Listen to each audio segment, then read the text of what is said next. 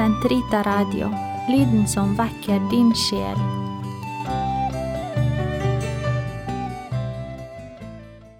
Den katolske kirkes katekisme, uke 24, lørdag, paragraf 2083 til 2086.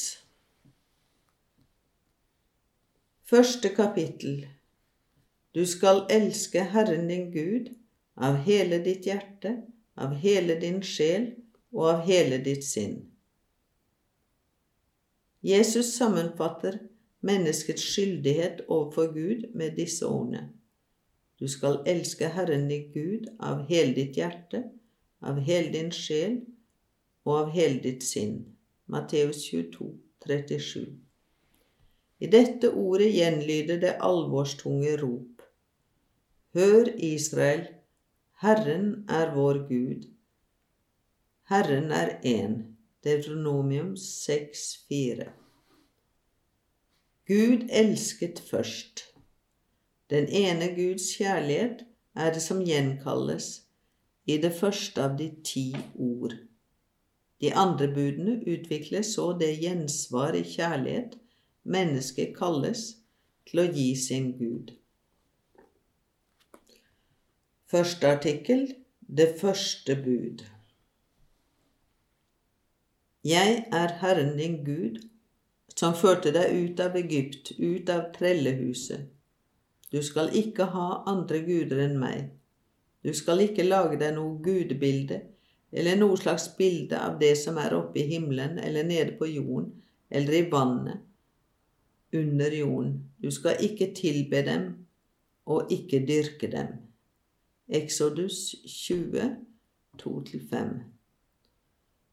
For så står det skrevet:" Det er Herren din Gud du skal hylle, og ham alene du skal tjene. Matteus 4,10.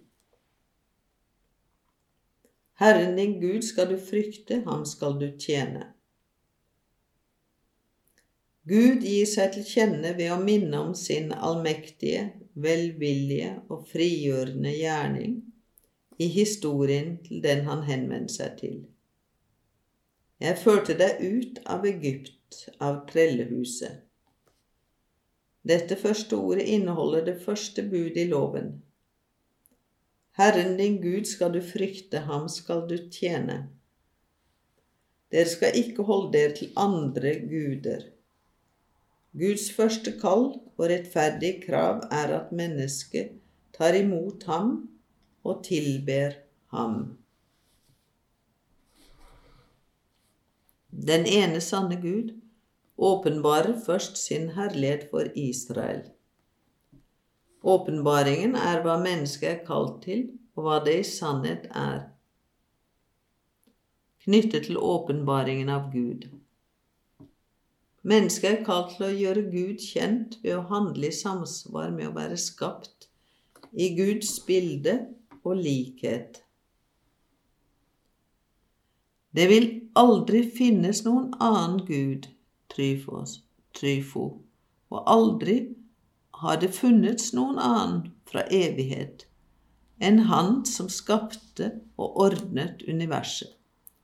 Vi mener ikke at vår Gud er forskjellig fra deres, han er den samme som den som førte deres fedre ut av Egypt ved mektig hånd og utstrakt arm. Vi setter ikke vårt håp til noen annen, for det finnes ikke, men til den samme som dere, Abrahams, Isaks og Jakobs Gud. Det første av budene innbefatter tro, håp og kjærlighet. For den som sier Gud sier nemlig et vesen som er varig, ubevegelig, alltid den samme, trofast, fullkomment rettferdig. Av dette følger at vi nødvendigvis må godta Hans ord og ha hel og full tro og tillit til ham. Han er allmektig, rik på miskunn, uendelig innstilt på å gjøre godt. Hvem skulle kunne la være å sette all sin forhåpning til ham? hvem skulle kunne la være å elske ham ved synet av de skatter av godhet og ømhet han har overøst oss med? Derfor ordlegger Gud seg i Den hellige skrift slik, enten som innledning eller som avslutning på budene. Jeg er Herren.